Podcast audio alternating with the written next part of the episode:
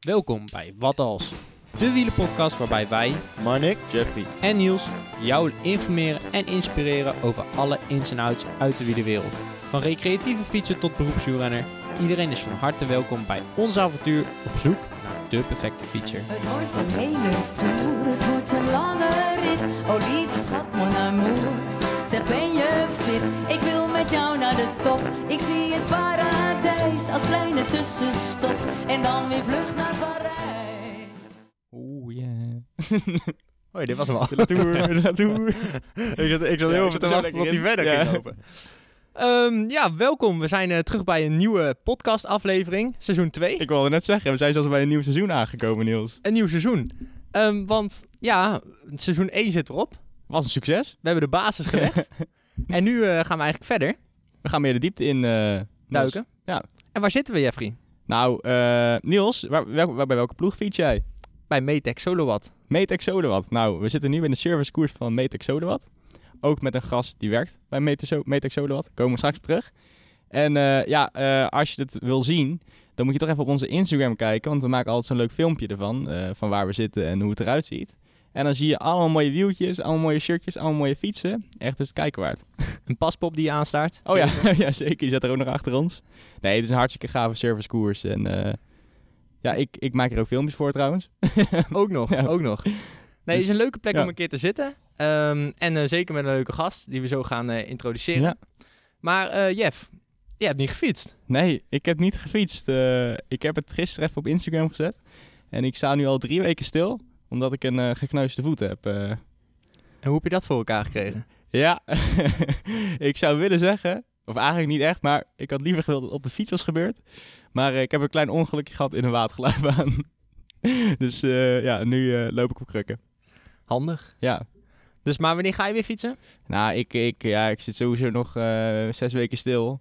Dus ja, het is een beetje kijken naar volgend seizoen. Ik heb nog genoeg werk te doen, dus op zich...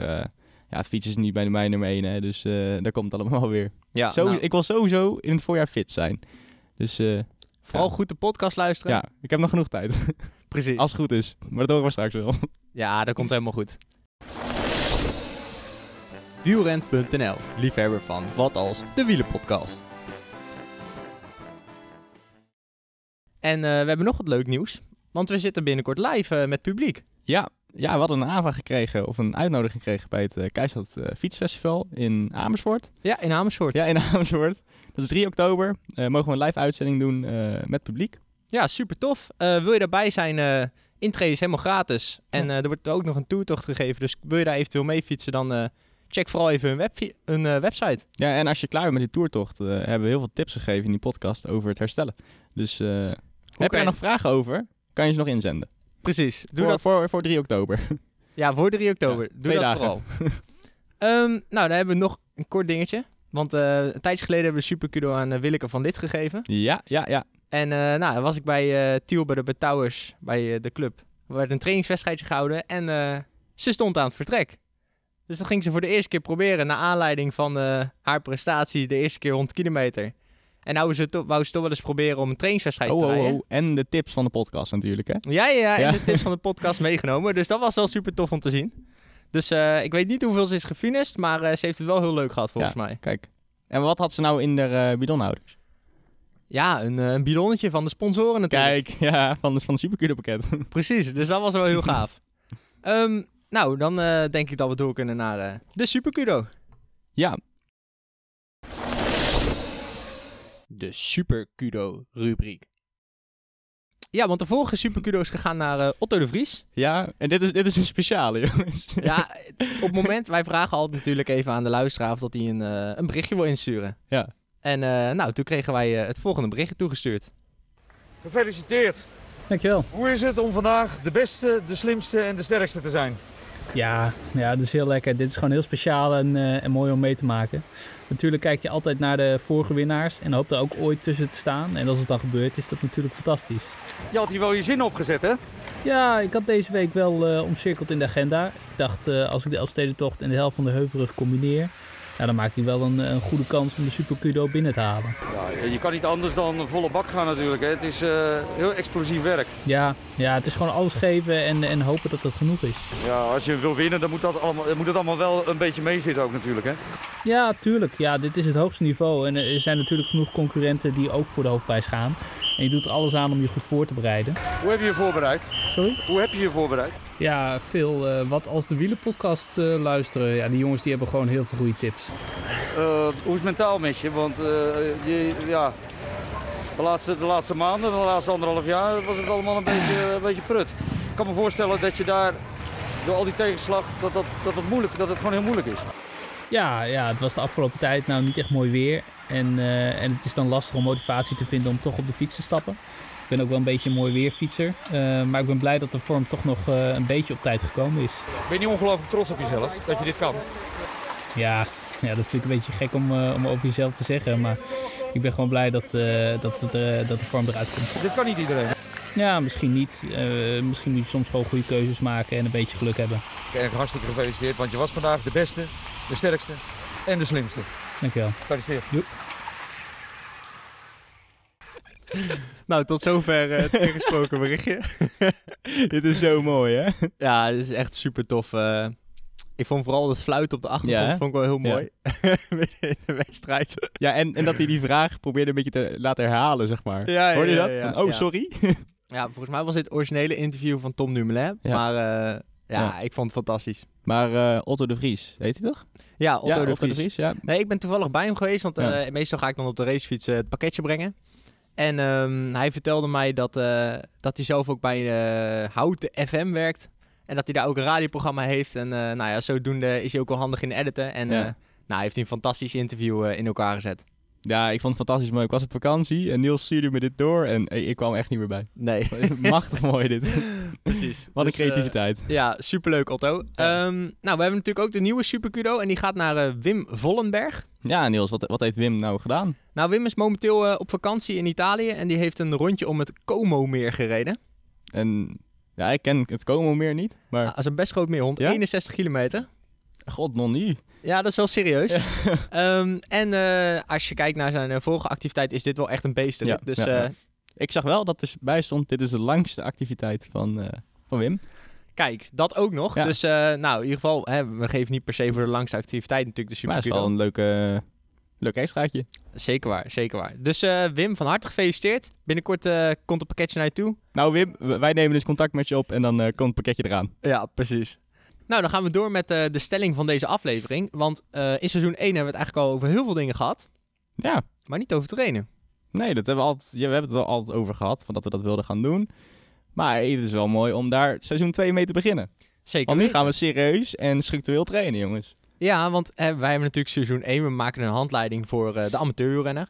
Ja, maar uiteindelijk wordt hij ook beter. Uiteindelijk wordt hij ook beter. En we willen, gedurende het seizoen willen we dat samen, dat we een betere fietser worden. Ja.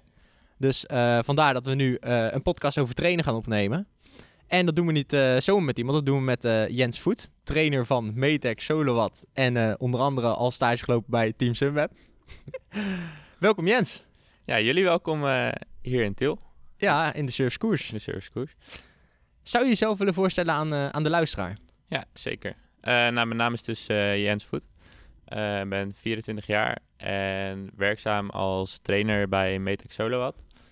Ehm nou, ik train hier een aantal jongens van de ploeg zelf en ehm, we analyseren de data eigenlijk van de hele ploeg en proberen eigenlijk op alle vlakken de jongens wat te verbeteren. Dus daar ehm, ben ik het grootste gedeelte van mijn week mee bezig. En ik combineer dit nog met mijn eh, promotieonderzoek aan eh, de VU in Amsterdam naar talentontwikkeling bij eh, jonge wielrenners. Oké. En jij bent onder andere ook mij trainen natuurlijk. Onder andere wel, ja. ja, ja, ja. Want hoeveel, eh, hoeveel jongens begeleid je eigenlijk? Ehm, op dit moment begeleid ik er acht. Oké. En nou ja, nu weten we dat je, je bent nu trainer. Ehm, maar hoe ben je eigenlijk zelf in de wielenwereld terechtgekomen? Nou, ooit ehm, door zelf te fietsen. Toen, ik, eh, toen ik klein was, toen fietste mijn broer, die fietste al wedstrijden. vaak in België. Ehm, dus daar ging ik regelmatig mee. En nou, je, hebt zelf ook vaak genoeg in België gefietst. Dat is daar één groot feest. Ehm, dus ik was vrij snel aangestoken eigenlijk door het wielervirus. En ehm, toen heb ik zelf, eh, ben ik begonnen met fietsen, denk ik op mijn vijftiende. Een aantal jaren wedstrijden gefietst. En toen ik klaar was met mijn VWO ben ik eh, naar Amsterdam verhuisd om daar bewegingswetenschappen te gaan studeren. Zelf niet meer zoveel wedstrijden gefietst, maar de passie voor het fietsen eigenlijk wel behouden. En dat eigenlijk gecombineerd met mijn studie. En zo ben ik eigenlijk helemaal in de wielenwereld terechtgekomen. Zeg maar dat ik nu ook een beetje mijn werk ervan kan maken. Oké, nou ja, dat is natuurlijk al super tof. Ehm, en dan ben ik wel benieuwd, je doet nou eh afstudeerstage volgens mij op talentherkenning. Ja, dat is ja, promotieonderzoek. Dus dat houdt eigenlijk in dat je ehm, ehm, ja, wetenschappelijk onderzoek zeg maar, de- doet naar... dus echt heel erg in de details gaat kijken naar...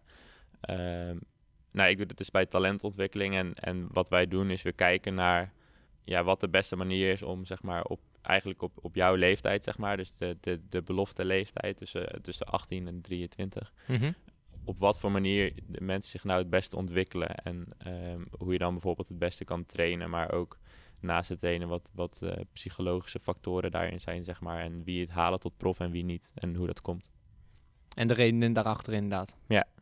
Oké, eh, want er is natuurlijk niet één weg die iemand bewandelt.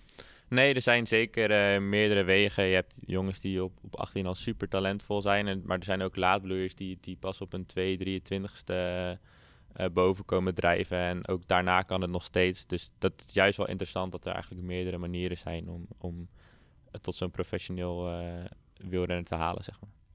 En heb je eigenlijk vroeger talent bij jezelf herkend? Of, Nou, dat valt wel, valt wel mee. Ik vind wielrennen superleuk, maar ik zou mezelf niet, eh, niet per se beschouwen als talent. Ehm, maar ik haal er nog steeds veel plezier uit en ik vind het Ja. leuk om te doen. En zeker na een lange werkdag is het heel fijn om, eh, om zelf even de fiets op te stappen. ja. En wa- wat voor koersjes heb je vroeger dan gereden, toen je jonger was? Eh, gewoon bij, bij de nieuwelingen en junioren. Eh jaartje belofte nog. Dus, eh, dus, dus zo, ja. door de Flevopolder heen eh waaiers trekken. Ik heb eens een wedstrijd in de Flevopolder gereden, ja, maar dat was niet altijd mijn favoriete Oh. wedstrijd. Toch niet. Nee. Nou, dan gaan we eigenlijk door naar, eh, naar de hele ja, de stelling van de aflevering. Want we gaan het hebben over wat als je met weinig tijd veel progressie wilt boeken op de racefiets. Ehm, we denken vooral aan de mensen die eh, veel aan het werk zijn. die inderdaad, zoals je zelf ook zegt, na het werk nog een rondje willen gaan fietsen. Ja. Ja, hoe kan je dan eigenlijk beter en ja, beter worden op de fiets eh, en progressie boeken? Dus wat is nou eigenlijk een goede basis om mee te beginnen? Want als je kijkt naar renners zoals Niels, die hebben gewoon eh 16 à 18 uur in de week dat ze aan het trainen zijn. En eh, wij hebben misschien nog maar drie, vier uurtjes over in de week. Dus eh, dat is een beetje het verhaal van deze podcast. Ja, daar gaan we eigenlijk Ja. op, op onderzoek naar uit, samen Ja. met, met jou Jens. Ehm, want ja, de meeste wielrenners die fietsen. Maar wat voor training hebben we nou eigenlijk? Ehm, nou ja, om even simpel eh, bij de, de, de basis te beginnen, ehm, kan je de training eigenlijk echt heel simpel opdelen in, in drie onderdelen. Ehm, je hebt de duurtraining, dus dat is eigenlijk die, de lange trainingen, de trainingen van 160 kilometer waar je het net over hadden, zeg maar. Ja. Die vooral heel lang zijn. Dan heb je intervaltrainingen, dus daar wissel je eigenlijk hoge intensiteit met lage intensiteit af. Dat kan op honderden verschillende manieren, maar in de basis is dat zeg maar het concept dat je eh, bijvoorbeeld eh, drie minuten hard fietst en dan weer drie minuten rustig en dan drie minuten hard. Ehm, en dan heb je nog, nog daartussenin waarschijnlijk de, de meeste ehm, mensen die zelf dus nog even een uurtje over hebben gaan fietsen. Dan kom je eigenlijk in de tempo training, zeg maar. Dus gewoon fietsen. Ik heb een uurtje en ik fiets dat uur eigenlijk zo hard als ik kan. En kom ik met 29,9 thuis, dan vind ik dat niet leuk. Dus ik ga nog even wat harder, dat ik wel gewoon met 30 gemiddeld thuis kom. Ja, mensen die op hun teller kijken en dan zien... Oh, 58 minuten. Oeh, bijna 30 kilometer. Ik moet nog even doorsprinten. Ja, ja, ja. ja. Dus, dus ja, dat zijn eigenlijk de, in, de, in de hoofdlijnen, zeg maar, de drie, eh drie basistrainingen. En dat kan je natuurlijk altijd weer dieper op gaan. Dan kan je met intervaltraining kan je weer onderverdelen in lange interval, in sprinttraining, kort interval. Alleen in de basis komt het eigenlijk altijd op die drie trainingen neer. Ja, en het is wel leuk dat je het net aanhaalt met het eh, 30 gemiddeld. Dat is een beetje, in het amateurwielrennen is dat een beetje een, een, een principe, hè? Een Dat je- drempeltje. Een drempeltje dat je altijd met 30 thuis moet komen. Maar jongens, maak er echt geen zorgen om. nee, dat maakt helemaal nee, niks uit. dat maakt helemaal niks uit. Ik ben er zelf ook zeker niet gevoelig voor. Ik denk Ik wel. ehm, ja, dat, dat, dat het vooral gaat om, om hoe je fietst, zeg maar. Ja. En ik denk dat het altijd begint met een doel van fietsen, zeg maar. Want ehm, zoals ik al zei, van ja, ik vind het gewoon fijn om mijn hoofd leeg te maken. En ja, met wat voor snelheid ik dan thuis kom, maakt me dan niet zo heel veel uit, zeg maar. Ja, Ehm, dus dus nou, dat gaat eigenlijk ook met als jij beter wil worden in trainen. Van ja, waar, hoezo wil je beter worden? Zeg maar, is dat omdat je je vrienden wil verslaan? Wil je ehm, jezelf beter maken, zeg maar? Of wil je gewoon lekker fietsen, zeg maar? Dan, dan is er niet per se noodzaak om gestructureerd te gaan trainen. Want ja, je fietst omdat je gewoon lekker wil fietsen. Dus, en niet per se omdat je beter wil worden. Dus ja. ehm, ja, waarom- nee, dat, ja. is, dat, dat is ook zo. Kijk, de achterliggende gedachte is natuurlijk heel belangrijk. Eh, ik fiets om profielrenner te worden uiteindelijk. Ja, om wedstrijden ja. te winnen, om verder te komen. Dan heb je echt ge- kun je gerichtere doelen gaan stellen. Eh, en als amateurrenner heb je dat misschien niet. En misschien zeg Jeffrey wel, eh, ja, wat zei je vooral? De- bij de bordjes sprinten. eh, ja, ik zei, eh, ik, ik, ik wil eh, Niels ook een keertje ijsprinten door het bordje sprinten bijvoorbeeld. Of ik wil gewoon een keertje een uur lang hard met Niels kunnen rijden. Dat we gewoon, ja, gewoon lekker een beetje op tempo kunnen rijden, weet je wel. Dat is bij mij altijd wel een beetje een, een doel. Kijk, ik hoef geen koers te winnen of zo. Dat is, maar laten we, laat- de laten we Jeffrey als Ja. voorbeeld nemen. Ja. Ja, ik ben hij- denk ik het, het precieze voorbeeld. Ik kan wel uitleggen wat mijn situatie is. Ik denk dat het bij heel veel mensen ook overeenkomt. Want ik zit dan ongeveer 24 uur in de week op school. En daarnaast heb ik heel veel eh, grote opdrachten waar ik aan werk voor het filmen. Dus ik zit dan heel veel op mijn bureaustoel. En soms dan heb ik echt maar een uurtje op een dag vrij. En dan is het de vraag van, stap ik nu op de fiets? En als het regent, doe ik het gewoon niet. dan ben ik meer aan het schoonmaken dan aan het fietsen. Daar heb ik helemaal geen tijd voor je. Maar ik, ik denk dat ik in een week, zeg maar ongeveer eh, met een drukke week, vijf à zes uur de tijd heb om te trainen. Oké. En ik wil natuurlijk wel gewoon progressie, progre- progressie blijven boeken. Net als de rest van de luisteraars natuurlijk. Want je wilt wel een keertje een uur hard kunnen rijden met je vrienden of een koersje kunnen rijden. Mhm. Maar hoe eh, eh, train je nou uitermate dat je die zes uur goed benut? Want ik ben een beetje van het, dan ga ik even een rondje met Niels fietsen. En dan zijn duurtempo is voor mij gewoon dik tempo training. Mhm. En dat is eigenlijk niet zo goed. Nou, ik denk vooral dat de vraag is dan, hoe train je het effectiefst? Ja. Dus je je hebt zes uur bijvoorbeeld. Mhm. Hoe kun je nou zo effectief mogelijk trainen om de volgende keer dat je zes uur rijdt, dat het makkelijker gaat? Ja. Ehm, nou kijk, als je gewoon standaard zes uur hebt, zeg maar, dan zit er in de uren dus eigenlijk al niet zo heel veel uitbreiding. Ehm, dus je, zeg maar, je doet een training en daardoor wordt je lichaam geprikkeld, zeg maar. En dan ben je de volgende keer, als je daarvan hersteld bent, weer net iets beter. En eigenlijk, zeg maar, als je vanuit nul begint met twee uur trainen, dan, dan word je al beter, zeg maar. Ja. Maar dat bouwt zich op, zeg maar. En als je heet het zes uur blijft trainen, dan blijft die prikkel in principe hetzelfde. Dus dan word je daar niet meer zo heel veel beter van. Nou, in die zes uur zit geen ruimte, zei je zelf al. Dus dan moet je gaan kijken, oké, hoe ga ik die zes uur dan het beste invullen? Ehm, nou, ik zou er dan zelf sowieso altijd voor kiezen om dan één training wel zo lang mogelijk te doen. Dus zeg maar, in het weekend heb je misschien, denk ik, wat meer tijd. Ja, dus, ja dat ligt er weer net aan, eh, aan de week. Ligt, net- ligt net aan de week, maar ehm, probeer dan in ieder geval één training wat langer te doen. Dus probeer Ja. die dan drie uur te maken, Ja. bijvoorbeeld. Ehm, zodat je wel, zeg maar, want uiteindelijk blijft wielrennen een duursport. Dus is, is dat eigenlijk nog het belangrijkste, zeg maar, dat je dat altijd blijft doen. Sommige mensen denken dat altijd in één spe- specifieke intervaltraining of één training het belangrijkste is. Maar uiteindelijk gaat het er gewoon om dat je blijft trainen, zeg maar. En dat je dus ook die duurcapaciteit op gaat bouwen. Ja. Dat je daar steeds beter in Het gaat dus om een basis dat je eigenlijk ja, aanlegt. Ja. ja. Ja, ja, Dus probeer dan ook één wat langere training te doen. Eh, nou, dan heb je nog drie uur over. Ehm, daar zal misschien ook een uurtje bij zitten dat je er gewoon lekker met een vriend wil fietsen. Doe dat ook vooral, want je fietst omdat je het leuk vindt en niet omdat je per se van iemand anders beter moet worden. Ehm, en dan heb je nog één training over waarschijnlijk en dan, dan kan je die gebruiken om als intervaltraining te gebruiken. En ehm, probeer dan zeg maar binnen die intervaltraining die intervallen steeds wat uit te breiden. Zeg maar. Dus als je de eerste keer drie keer vijf minuten hard kan fietsen, of op een bepaalde snelheid kan fietsen, probeer dat dan zeg maar uit te breiden naar vier keer vijf keer of Ja. vijf keer vijf minuten. Snap je? Dus dat Ja. je zeg maar daarin dus die uitbreiding zoekt, omdat je in die uren eigenlijk niet zoveel meer omhoog kan. Ja, en je hebt natuurlijk die eh, koersjes op de woensdagavond, bijvoorbeeld hier in Tiel. Ehm, waar ik vaak mee struggle, is dat die op de woensdagavond zijn. Woensdagavond ben ik dan vrij. Mhm. En dan ga ik zo'n koers rijden. Maar is het misschien verstandiger, want dan, dan kan ik geen andere intervaltraining meer doen die week. Mhm. Want dat zijn die twee uurtjes. Dan gaat op en neer fietsen plus het koersen rijden. Maar is het dan misschien verstandiger om toch die interval te doen in plaats van die trainingskoers? Of is een trainingskoers efficiënter dan de intervaltraining? Ik denk uiteindelijk is een intervaltraining altijd efficiënter. Ja. Ehm, maar een trainingskoers altijd leuker. Ik spreek uit eigen Ja. ervaring en ik denk dat je dat Ja. wel kan beamen, zeg maar. Dus dat is ook weer zoiets van, ja oké, maar je fietst ook om wedstrijden te Ja. fietsen uiteindelijk, zeg maar. En is dat het leukste? Dus dan, dan denk ik dat, zeg maar, meer andere trainingen in het doel moeten staan van dat trainingswedstrijdje. Ja.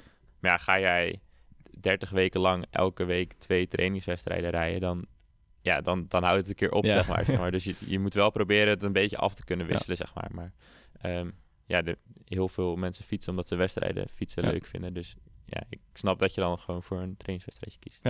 En is er misschien nog een bepaalde manier hoe je in zo'n trainingswedstrijd alsnog een beetje interval kan pakken? Dat je bijvoorbeeld net even een stukje wat langer op kop rijdt en even langer in het wiel zit of zo? Ja, dat, dat, dat zou wel kunnen. Ja. Ehm, kijk, bij, bij ons, de jongens bij ons in de ploeg doen we dat bijvoorbeeld wel. Als die dan Ja. een trainingswedstrijdje gaat rijden, eh, dan zeg ik tegen Niels van... Oké, ik wil dat je nu heel vaak gaat demareren of zo.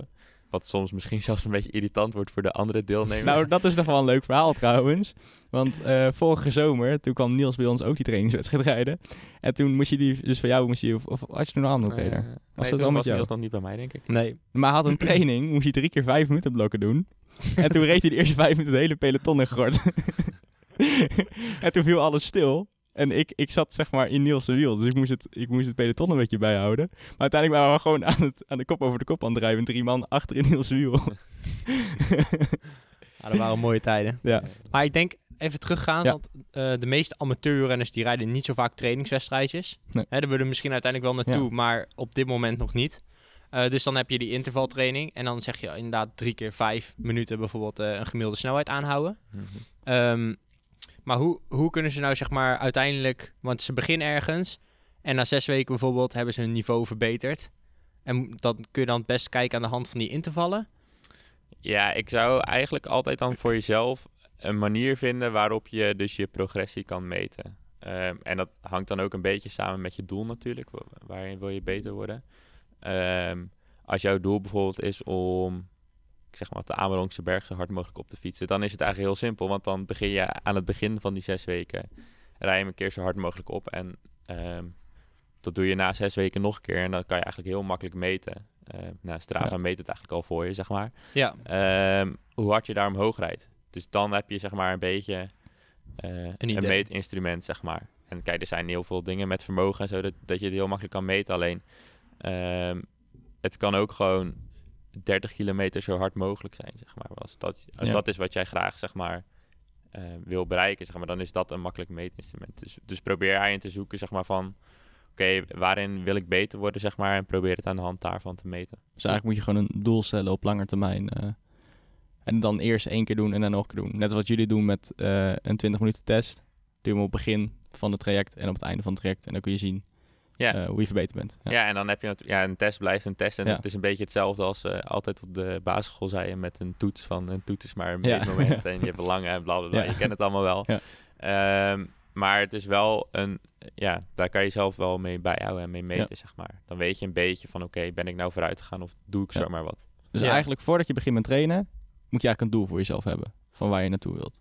Als jij echt wil trainen, wel. Alleen een doel kan ook heel simpel zijn met ik wil Niels eruit sprinten Ja. met een bordje sprint. Dat is nog steeds een groot wel doel, doel. hoor. Ja, Dat is nog steeds een groot Maar Dat is dat mijn kan- hoofddoel. ja. Maar dat kan ook eh, als je met, met je vrienden gaat fietsen 20 minuten op kop rijden in plaats van 15 Ja. minuten. En dat is ook al een doel. Ja. Zeg maar dat klinkt niet als een doel, maar uiteindelijk is het dat wel. Ja. En ga je dat gebruiken om, om je training op te bepalen. Oké, want dus ehm, één intervaltraining in de week, hè? Bijvoorbeeld met die uren die hij heeft, die Ja. Jeffrey kan rijden en die de gemiddelde amateuren, nou, ik denk tussen de Ja. 6 en 10 uur of zo, zou Mhm. dat zijn. Ja. Ehm, nou, Jeffrey's doel is bijvoorbeeld eh, mij eruit sprinten bij een bordjesprint. Zijn die intervalblokken van 5 minuten dan, eh, ja, is dat dan zeg maar het idee om beter te worden in die sprint? Of moet hij dan specifiek echt alleen maar sprintjes gaan trekken? En hij hoeft niet zeker hele trainingen lang alleen maar sprintjes te trekken. Alleen je doel is Shit. dus, is dus beter sprinten. Dus dan, zeg maar, dan ga je eigenlijk dan ga je niet richten op blokken van vijf minuten. Want zeg maar, daar word je uiteindelijk ga je wel harder van fietsen, maar niet op die sprint. Dus probeer zeg maar te trainen specifiek naar je doel toe. Dus ehm, als jij Niels eruit wil sprinten, zeg maar, dan, dan zou ik aanraden van oké, ehm, ik rij naar een viaduct toe. Ehm, ik doe daar zes sprintjes omhoog. Rij weer even een kwartiertje, doe nog een keer zes sprintjes omhoog. Zodat je echt specifiek op die sprint ook traint. Ja. Ehm, dus, dus probeer dat weer aan je doel te hangen, zeg maar. Dus daarom dat ik eigenlijk ook elke keer terugkom op het doel, zeg maar. Omdat Ja. je dat Ja, met elkaar kan eh, vergelijken. En ik moet Niels de dag goed uitkiezen. Op het moment dat hij weer even moet herstellen of zo. Ja, dat kan ik wel stiekem aan je doorgeven. externe factoren. ja. Nee, precies. Maar ehm, ja, ik denk dat dat inderdaad het belangrijkste is. Die, is die achterliggende gedachte is gewoon heel belangrijk. Waar wil je naartoe? Eh, en wil je stapjes maken, ga dan specifiek op dat doel trainen. Eh, zeker als je op een kopbeurt wil doen lang, dan eh ga 10 minuutjes blokken tegen Ja. de wind inrijden Ja. bijvoorbeeld. Eh, en ja, in Jeffrey's geval dan bijvoorbeeld met die sprintjes, Ja. wat Jensen zegt. eh, die viaducten omhoog eh, vijf keer en dan eh, een rondje van 15 minuten en nog een keer. En uiteindelijk kun je dat misschien gaan uitbreiden ook. Ja. Want hoe lang kan zo'n intervaltraining maximaal zijn? Ja, dat, dat, dat is een beetje lastig te zeggen. Kijk, je kan natuurlijk oneindig doorgaan, maar het houdt een keer op. Ja, ja, ja. Ehm, met, met van die vijf minuten blokken bijvoorbeeld, wat ik net zei, ja. Als je tot acht, eh, als je tot acht ook komt, dan ben je al wel een hele grote, zeg maar. Dus, dus veel verder gaat het eigenlijk niet. ja, want anders wordt het misschien inefficiënt ook. Ja, dan, dan, dan, ehm, dan doe je misschien de achtste blok nog wel, maar dan haal je die snelheid van de eerste veruit niet meer. Dus dan, Nee, precies. ehm, dan heeft het niet zoveel zin meer om, om daarin door te blijven trainen. Maar, dus een beetje, om een conclusie een beetje te trekken vanuit dit verhaal, is als ik bijvoorbeeld met vijf maakjes elke, elke week fiets. En eh, ze hebben ook allemaal zes uur te trainen. Ja. Maar zij rijden eigenlijk die zes uur altijd eigenlijk gewoon in, in hun tempo-zone, zeg maar. Ja. Dan zou het dus een grote kans kunnen zijn dat als op zes weken, dat als je dus intervaltraining doet en je duur goed bijhoudt, Mhm. dat je hun uiteindelijk eraf kan rijden. Ja. Dat je Eh, wel stappen ja, maakt, Ja, ja, ja. ja. Ehm, wat je eigenlijk ziet is op de lange termijn dat... dat ehm, dus je hebt dan, noemen ze heel simpel, grijs trainen is een beetje, zeg maar, al, dat is dat, bij dat tempo waar ik het over had, zeg maar. Dus altijd gewoon zo hard mogelijk. En eh, ik zie wel hoe ik thuis kom. Ehm, en je hebt dan zwart-wit, noemen ze dat dan. Dus zeg maar, op een duurtraining eigenlijk rustiger fietsen dan je kan. Dus eigenlijk voor je gevoel denk van, ja, hoezo moet ik nou zo rustig fietsen? Ehm, maar dan in de trainingen waar je wel intervaltrainingen hebt, die wel echt keihard Ja. en dat zeg maar zo hard mogelijk die, die intervallen afwerken. Ja. Ehm, daar ga je naar mijn mening uiteindelijk beter van worden dan elke keer maar zo hard mogelijk dat Ja. rondje met je vrienden fietsen. Maar Niels, jij doet heel veel intervaltrainingen. ja, Nou, maar nu even niet trouwens. Even maar niet, nee. ja, je hebt al best wel lange wielercarrière nu achter, je- achter je rug. 21 Je jaar. heeft, al, heeft, al, je heeft al heel veel bereikt. Oh. je hebt heel veel intervaltrainingen af moeten werken. Nou, al wel wat, ja. Neem ons erin eens mee. Van hoe voelt dat om zo'n intervaltraining te doen? Nou, ik denk dat Jens dat ook wel eh, kan beamen hoe dat voelt. Ja? Eh, pijnlijk, eh, verzuring in de benen. Ja. Vooral eh, de 40-20's. Dat zijn dan eh 40 seconden zo hard mogelijk, 20 seconden rust. Of andersom, kan allebei. Ja, hoe jij het zegt eh, is een beetje logisch. Ja, ja. ja. En eh, dat je dan 40 seconden zo hard mogelijk in het zadel gaat, zeg maar. En dat je dan 20 seconden je benen mag laten tollen. En dat gewoon 10 keer achter elkaar of 8 keer achter elkaar. En dan eh 10 minuten rust, 15 minuten rust en weer herhalen. Maar dat is gewoon doorbijten, verzuren. Op een gegeven moment de bloedsmaak in je mond voelen. Eh, dat is echt dat je echt diep gaat. Ja. En ik denk dat dat ook het witte trainen is vooral. Eh, op zo'n moment, dan is er ge- absoluut geen grijs meer. Nee, nee, nee. nee dat- Ehm, maar wat je ook zegt, die duurtrainingen, ik denk dat dat ook een veelgemaakte fout is, ook bij mijzelf, dat die duurtrainingen gewoon te hard zijn. En dat je inderdaad thuis komt, hè, kijk, misschien is het voor ons nu geen 30 meer gemiddeld, maar 33 gemiddeld. maar dit, dat je denkt van, eh Ja. oeh, eh, 99 kilometer, 3 uur, ah, maken we 100 van. Ja. Weet je wel, ja, dat is eigenlijk, dat slaat eigenlijk nergens op op sommige momenten. Ehm, en dan is het beter om inderdaad wit te trainen. En dan wel eh, gewoon rustig te rijden in- om uiteindelijk beter te worden. Ja, dat, dat, dat komt vooral omdat, ehm als ik al zei, ja, wielrennen is een duursport en je wil zeg maar, het, je hebt een, een om, het wordt nu iets ingewikkelder, maar zeggen, aerobe en anaerobe capaciteit, zeg maar. En ehm aerobe, dat, dat is met zuurstof, dus dat kan je eigenlijk oneindig volhouden, zeg maar. En anaerobe, dat is, eh, dat is tijdelijk en dat, dat, dan ga je lactaat opbouwen, zeg maar. Ja. En dat, dat voel je ook in je benen. Dat is de verzuring. Dat is de verzuring, zoals ze dat zo mooi zeggen. En eigenlijk wil je zeg maar dat deel dat je gewoon met zuurstof kan, dat je gewoon oneindig lang door kan gaan, dat wil je zo, zo goed mogelijk maken. En ehm, dat je daar zo lang mogelijk op kan bouwen. En dat, die, dat is die, dus die basis, zeg maar. Dus daarom raad je aan om ook gewoon je rustige duurtraining te doen, zodat je dat uit kan breiden. Begrijp je het nog, Jeffrey? Ja, ik begrijp het. Ik heb dit, eh, dit, dit komt me ook heel bekend voor van eh, af- seizoen 1 van aflevering 2 met Suzanne Verwoerd. Mhm. was ook met voeding. Was het ook zo dat je in je anaeroop dan verbrand je... Wat was het ook weer?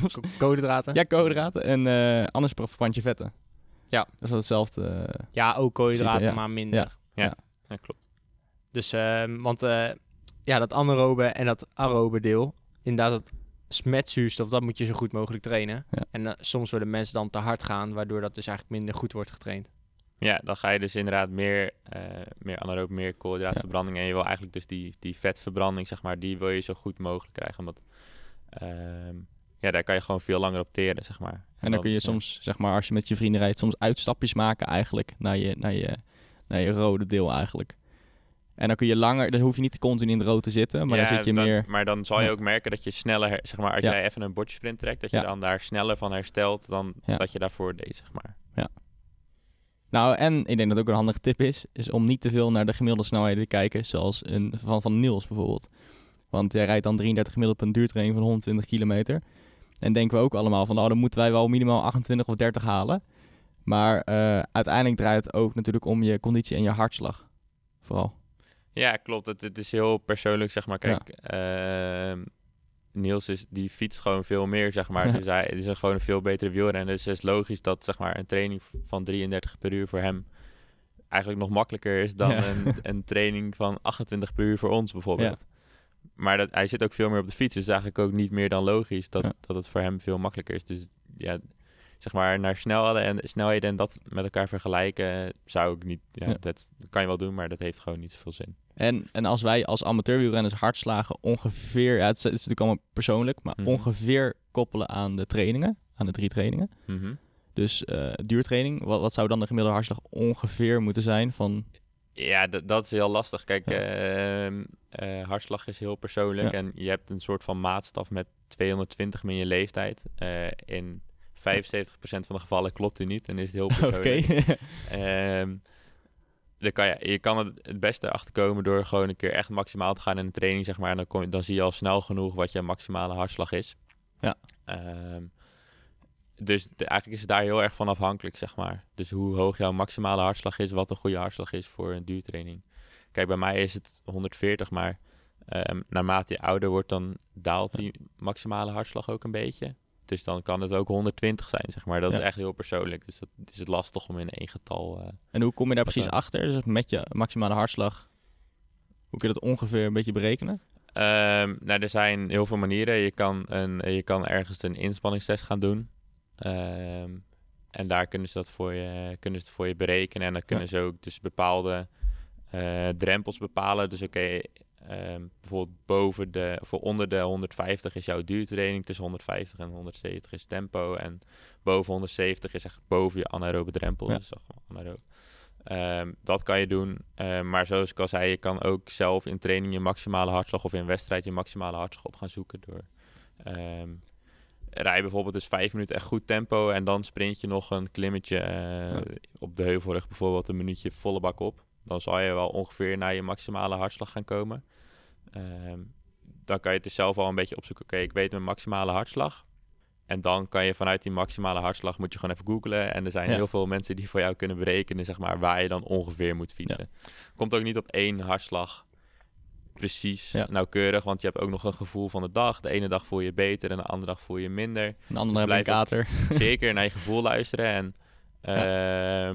Gevoel is in dat betreft gewoon nog het belangrijkste. Dus als je denkt van, ik ben een duurtraining aan het doen, maar mijn benen lopen al een beetje vol, dan is het eigenlijk al geen duurtraining meer, zeg maar. Dus dat blijft altijd het belangrijkste, dat je blijft luisteren naar je eigen lichaam en niet alleen maar puur op wat een cijfertje jou zegt, zeg maar. Ja, ik denk dat dat vooral het belangrijkste is in deze tijd. We hebben zoveel gegevens, we hebben zoveel dingen. Uiteindelijk gaat het er ook om hoe jij je voelt. Ja, Als jij je echt ruk voelt en er staat, eh, stel dat je aan de hand van het trainingsschema werkt en er staat drie uur, hè, zo- zoals vandaag. En, eh, nee. nee, nee, maar stel dat je Niels, het gaat regenen. Het gaat niet om je gevoel. nee, maar echt, hè, stel dat je echt slecht voelt, dan is het gewoon niet verstandig om een training te doen. En ik, dat is een veelgemaakte fout, denk ik, bij sommige jongens om dan toch te gaan uiteindelijk. ja en het, dan achteraf ja. praten van, ja, het is altijd lastig omdat je een beetje, je zit zeg maar een beetje in die tweestrijd van, ah, je moet het niet zo zeiken, ga gewoon trainen. ja, ja. En zo van, oh ja, nee, maar ik voel me echt slecht, weet je wel. Dat is, Ja. dat is ook een beetje een mentaal spelletje met jezelf. En dat is lastig om daarachter te komen. Maar ehm, ik denk dat ervaring daarin ook wel leert, zeg maar. Dat je weet van, oké, ik voel me echt slecht. Of, ah, Maar dat merk ik nu wel, eh, ook met jullie samenwerking, maar ook met Niels. Is eh, toen ik hem ontmoette, toen was hij heel dedicated. Als hij in training op programma sta- stond, zeg maar, dan eh, moest hij het per se van zichzelf ook doen. En uiteindelijk heb je nu ook wel geleerd dat het soms wel in je nadeel kan zijn. Als je hem toch, toch doet terwijl je heel slecht voelt. Nou ja, ehm, kijk, dat, dat ligt dus aan de situatie en aan hoe... Ja. Ja. soms, stel dat je altijd die training doet die er staat. Ja. da- je moet zelf ook na gaan denken van... Is het nu verstandig? Is het niet verstandig? En dat is dan, kijk, voor mij afstemming met Jens. Ja. Hoe ik dat aanpak. Ehm, en eh, de meeste amateurrenners hebben natuurlijk helemaal geen trainer. Eh, en die vullen dat zelf in. Ja. Maar ja, stel dat iemand op een... Ja, zeg maar met die ach- achterliggende gedachten. Mijn vader is ook begonnen met fietsen nu. Als stel dat hij een werkdag heeft gehad en is super zwaar en druk geweest. Ja. Dan is het niet verstandig om een intervaltraining s'avonds te gaan doen. Dan kun je beter... Kijk, dan kan hij nog een uurtje uitfietsen. Ja. Dus gewoon rustig draaien en eh, die hoofd leegmaken. Met, met dat als achterliggende gedachte. Of eh, als hij zich echt slecht voelt, moet hij gewoon niet de fiets opstappen. Ja. En ik denk dat, dat dat is vooral echt dat gevoel waar je rekening mee moet houden. En dat is ook iets wat ik heb moeten leren, omdat ik het ook best wel druk heb vaak eh, met andere dingen. En als je een hele lange opnamedag hebt gehad, dacht ik, oh, dan ga ik toch nog even koersen. Maar dat is eigenlijk gewoon helemaal niet verstandig. Want uiteindelijk, eh, de weken zelf voel je niet zoveel van, de eerste twee, drie, vier weken. Maar eh, op lange termijn, na een paar maanden, begin je zo gesloopt te raken, dat je eigenlijk gewoon minimaal, dan minimaal twee, drie weken rust nodig hebt. En dan weer opnieuw moet op gaan opbouwen, omdat je gewoon helemaal, helemaal koekoek bent, zeg maar. Ja, ja dat, dat is ook wat ik bedoel met, met Ja. naar je lichaam luisteren. En ehm, een week is veel meer dan fietsen alleen. Zelfs bij Niels die heel veel fietst, zeg maar, is Ja. het nog veel meer daarna, zeg maar. En ehm, zeg maar, alles wat er omheen komt kijken, zeg maar, dat heeft ook allemaal invloed op het fietsen. Als jij een nacht slecht geslapen hebt, zeg maar, dan heeft dat gelijk weer invloed op je training. Dus ehm, het is altijd goed om, zeg maar, ook de zaken eromheen ja, goed mee te nemen. Zeker als je gewoon een baan hebt van 40 uur of Ja. misschien wel meer. Ehm, daar ook dat goed, goed af te stemmen, zeg maar. Dus ja, zorg dat je ook nog een beetje uitrust en dat je ook nog wel gezellig hebt thuis bijvoorbeeld. Dat kan Ja. ook nog wel, eh, ook nog wel eens handig zijn. Ja. Als jij elk uurtje dat je vrij bent alleen maar gaat fietsen, dan wordt misschien ook niet in dank afgenomen. Nee, nee. Want de, de vorm die Jeffrey nu vertelt is eigenlijk een soort van overload, of niet? Ja, ja, ja. ja. Ja. Ehm, ja, ja, Niels komt al met het woordje load. Dat is eh, eigenlijk wat we ehm, bij jullie vooral proberen. Van oké, hoe zwaar is nou de totale trainingsbelasting eigenlijk voor Ja. het lichaam? Ehm, er zijn heel veel manieren voor en er is eigenlijk nog niet echt een eenduidige manier wat echt per se het beste is of hoe we dat echt goed kunnen samenvatten. Ehm, maar eigenlijk is die load is veel meer dan trainen, zeg maar. Er is ook alles eromheen. Als jij eh, Ja. een slechte dag hebt of je hebt ruzie thuis, weet ik veel, dan, ehm, dan is die load opeens veel zwaarder, zeg maar. En dat heeft dan gelijk weer invloed op je training. Ja. En dat is denk ik wel goed om te beseffen, zeg maar. Dat eh, niet is als je gaat fietsen dat dan de rest van de wereld opeens uit is. Want dat is niet zo, want Nee. je drukke werkdag zit nog steeds in je Ja. hoofd, zeg maar. Ja, ja en dat, dat is- ook een soort van prikkel. Ja, dat, stressprikkel, ja, dat, dat is- ja, stress heeft eh, in, in Ja. die zin ook zeker wel invloed op je, op je lichaam en dus ook weer op je training. Ik denk dat het wel, ik heb toch wel een mooi voorbeeld hiervan. Ik denk dat ik eh, op het begin van het voorjaar, dat weet Niels ook, toen fietste ik best wel veel. En toen was ik best wel lekker aan het trainen. En eh, vaak na een lange werkdag, dan was ik gewoon helemaal niks waard in de avond. En toen begon ik echt aan mezelf te twijfelen van, ben ik dan gewoon zo out of shape? Of wat is dit nou? En eh let ik een paar dagen daarna, toen had ik eigenlijk vier, vijf dagen een beetje rust gehad, zeg maar. Gewoon, ik heb wel gefietst, maar ik had niet zoveel andere dingen te doen. En toen reed ik op één avond, gewoon op de baan, gewoon alleen. Maar toen ging ik als een jekko. En daar snapte ik gewoon helemaal niks van. Ik kwam thuis, ik dacht, ik ben helemaal niet verzuurd na, na die hele lange training. Ik had iets, iets 36 gemiddeld, zo over 80 kilometer. En ik heb eigenlijk heel veel solo gefietst. Dus ik dacht van, wat is dit nou? Hoe, hoe kan dit in één keer? En toen begon ik terug te denken. dacht ik, ja, natuurlijk, ik heb gewoon een paar dagen rust gehouden. En dus dat betekent wel, als je echt hard wil kunnen rijden, moet je ook een beetje naar je dagelijks leven gaan kijken. Van, Ja, en, en wat jij ook al zegt, zeg maar, uiteindelijk word je van trainen niet beter, zeg maar. Ja. Dat, dat klinkt heel gek, maar uiteindelijk, zeg maar, als je een training doet, dan ehm, maak je eigenlijk als ware je lichaam een beetje kapot. Ja. Om het echt heel simpel te zeggen. ja, En als je gaat rusten, dan herstel je daarvan. En dan word je ook weer een klein beetje beter, zeg maar. Omdat je lichaam dan denkt van... Ah, de vorige keer heb je me kapot gemaakt. Nu ga ik zorgen dat ik net iets sterker ben. Zodat ik dat de volgende keer wel aan kan. En omdat je dat zeg maar steeds in kleine stapjes doet... ehm, word je elke keer net iets beter. Maar dan moet je dus wel rusten. Want als je dus geen rust neemt, dan dan houdt het een keer op. Dan, wordt- dan word je dus eigenlijk alleen maar slechter. Ja, precies. Ja, dat is eigenlijk supercompensatie. Ja, ja, Ja. Ja. ja, ja, ja, ja. Ehm, De maar- rust is dus ook heel belangrijk. ja, Dus rust, trainen. ja. Rust is trainen. Eigenlijk wel. Maar dan moet je daarvoor dus wel getraind hebben, want anders schiet het niet op. Ehm, dan ben ik eigenlijk wel heel benieuwd, Jens. Wat zijn nou de meest gemaakte fouten? Ehm, de meest gemaakte fouten. Ehm, nou, die rust waar we het net over hebben. Dus geen rust nemen. Niels begint al een beetje te lachen. Hij weet denk ik heel goed waar ik het over heb. Ehm, dat is een groot gemaakte fout. En waar we het ook al eerder over hebben gehad. Altijd maar zo hard mogelijk willen rijden. En zo hard mogelijk thuis willen komen. Is niet altijd, daar word je niet altijd per se beter van. Soms wel heel lekker hoor. En ik zou ook zeggen van, oh, als je dat leuk vindt om te doen, doe het vooral Ehm, als je met je vrienden gaat fietsen, ga dan gewoon lekker elkaar helemaal eraf rijden. af en toe. Dat is prima, want je vindt het leuk, zeg maar. Dat is, dat is gewoon goed. Maar doe het niet altijd, zeg maar. Probeer het een beetje af te wisselen. Ja. Ja, en stel nou dat mensen eh, ineens meer tijd hebben om te gaan trainen. Moeten ze dan in één keer heel veel gaan trainen? Nee, je, je moet het altijd wel stapsgewijs opbouwen, zeg maar. Dat, dit, dat komt ook weer terug op wat ik net probeer uit te leggen... met dat je je lichaam eigenlijk een beetje kapot maakt. Als je dat te veel in één keer gaat doen, dan, dan kan je daar niet meer van herstellen. Dus probeer het elke keer in stapjes op te bouwen. Dus ga niet van zes uur, als jij opeens je baan kwijt bent, eh, naar, naar twaalf uur, zeg maar. Probeer dat dan gewoon rustig op te bouwen naar acht uur, of zeven uur, acht uur, negen uur.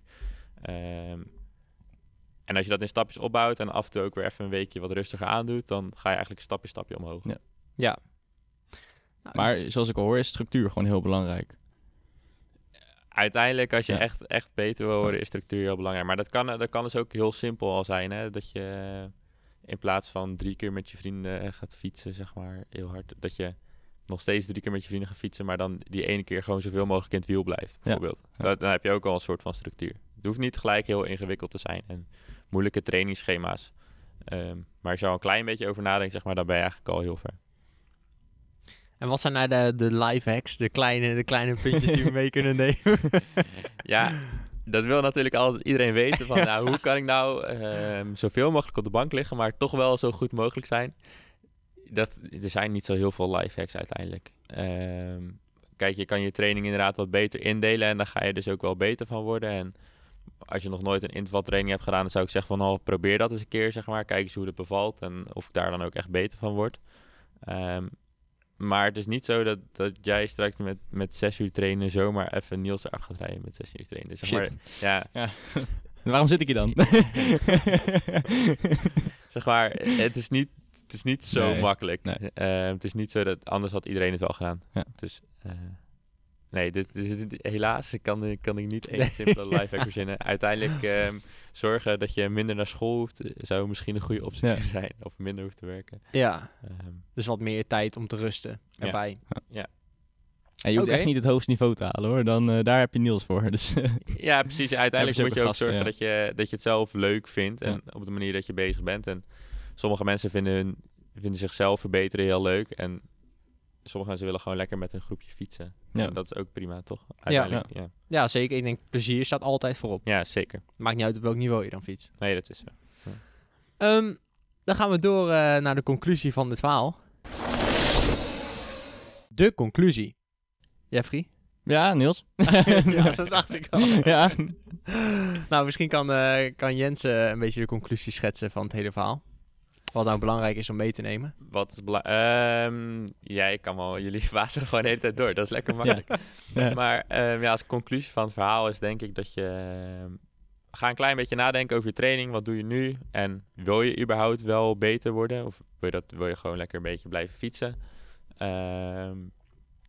Ga kijken hoe je nu traint. En kijk van, oh, misschien kan ik dat wat anders indelen. Misschien moet ik toch wel wat rustiger gaan fietsen op een duurrondjes. Probeer eens een intervaltraining. En ga gewoon zelf ermee uitproberen, zeg maar. Uiteindelijk ehm, ben je zelf ook gewoon een experiment, zeg maar. En ehm, dan zal je ook wel eens tegenkomen van... Ah, nou, dit werkt blijkbaar voor mij niet. En ehm, ga gewoon zelf uitproberen. Probeer het een beetje meetbaar te maken. En dat is eigenlijk, vind ik, niks leuker dan wat eerst, zeg maar. Ik vind het ook leuk om trainingen altijd eerst zelf even uit te proberen... en te kijken van, nou, is dit wel leuk? Eh, werkt het wel, zeg maar? Dus probeer jezelf eigenlijk zo een beetje te zien. En dan kan je er misschien ook wel een beetje plezier in houden om jezelf te verbeteren. Nou, ik vind het een hele mooie conclusie. ja. Eh, ik, wil wel één, ik heb nog één vraag hierover.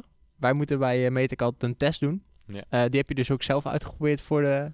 Ik, ga binnen, ik, ga, ik heb die, ik heb het zeg maar niet helemaal uitgevoerd, maar ik ga hem binnenkort wel helemaal doen, want dat heb ik aan een aantal jongens beloofd. Oké, je hebt Dus dat nog nooit gedaan? Wat zeg je? Ik Ja. heb nog nooit de hele, de hele test gedaan, alleen het losse deel zeg maar. Ja, zou je kort willen uitleggen?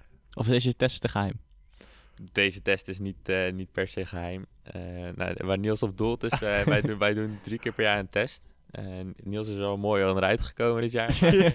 met zijn blessure. Maar ehm, nou, ze komen dan hier bij ons in de service school, eigenlijk hier achter. Ehm, hebben een soort van klein testlab. Ehm, om het heel simpel te houden, daar moeten ze een paar sprintjes, 1 minuut en 10 minuten zo hard mogelijk fietsen. Dan sturen ze een paar uur naar buiten. En dan komen ze weer terug en doen ze hetzelfde nog een keer. En zo proberen een beetje bij te houden van... eh, Ik heb dit verhaal een keer van Niels gehoord. Dat hij dat moest gaan doen. En daar zag hij heel erg tegenop. en Nou, toen kreeg hij last van zijn been. nou, ik we- weet vooral nog dat... eh, ik had aan één kant een vermogenmeter. Dat meet dus Ja. hoeveel kracht je zet. En dat ik terugkwam met 35 gemiddeld. En dat de andere jongens terugkwamen met 31 gemiddeld. En dat Jens zei, wat heb jij in godsnaam gedaan? En hij kwam ook terug met zo'n rood hoofd en helemaal... en Niels, ik weet niet wat je gedaan hebt, maar dit is niet goed. Oh, en dan had ik het vermogen door die eens gehaald. Nee, nee, nee. nee. Dus sta je niet blind op cijfertjes, dat, eh, dat zegt Dat- het maar weer. ja. Dat eh, Ja, ja, ja. Ja, precies. Ehm, nou, dan gaan we eigenlijk naar het einde. We hebben gevraagd aan jou om een wielerterm mee te nemen die je mee wil geven aan de luisteraar. De wielertermpjes rubriek. En welke heb je meegenomen?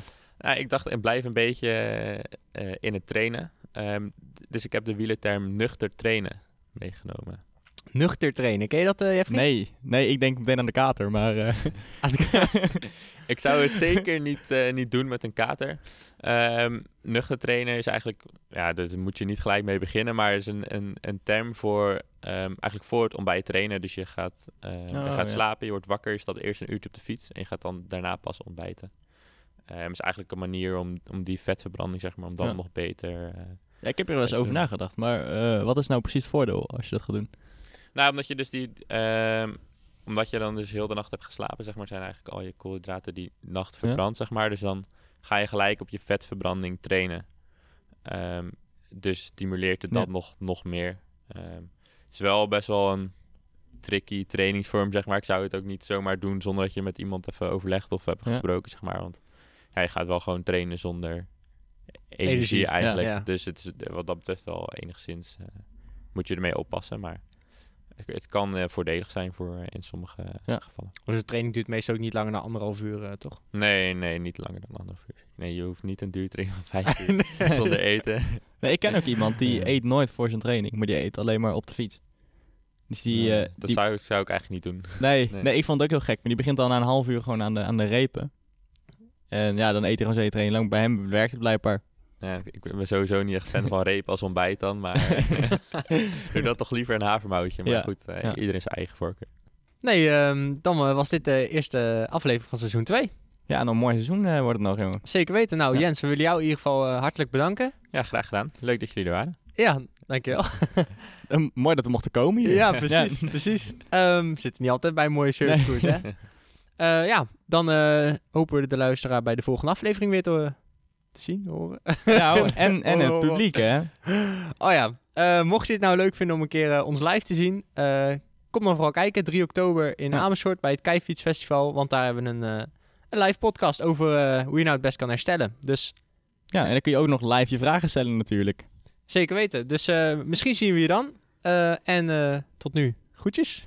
Tot de volgende. Tot de volgende. Leuk dat je luisterde naar Wat Als, de Wielenpodcast. Wil je meer afleveringen luisteren? Op zoek naar de perfecte fietser? Abonneer dan nu via Spotify, iTunes of jouw favoriete podcast app, zodat je geen aflevering meer mist. Of wil je kans maken op de Super Kudo? Word dan nu lid van onze club. Wat Als, de Wielenpodcast op Strava. Ken jij meer wielerliefhebbers die deze aflevering absoluut niet mogen missen? Deel hem dan. Of laat een review achter, zodat ook andere wielerliefhebbers ons weten te vinden. Het liefst natuurlijk met 5 sterren. Sluit je nu aan bij ons peloton en stuur jouw stelling vandaag nog op. Via Instagram, wat als de wielenpodcast. Of via de mail, wat als de podcast, apenstaartjeoutlook.com. Of stuur een audiobericht naar ons telefoonnummer 06 82 61 24 19. Tot slot bedanken we ook Ellette Namme voor haar fantastische stem. Nogmaals bedankt voor het luisteren en hopelijk tot de volgende aflevering. Alles wacht op jou, op de. 아.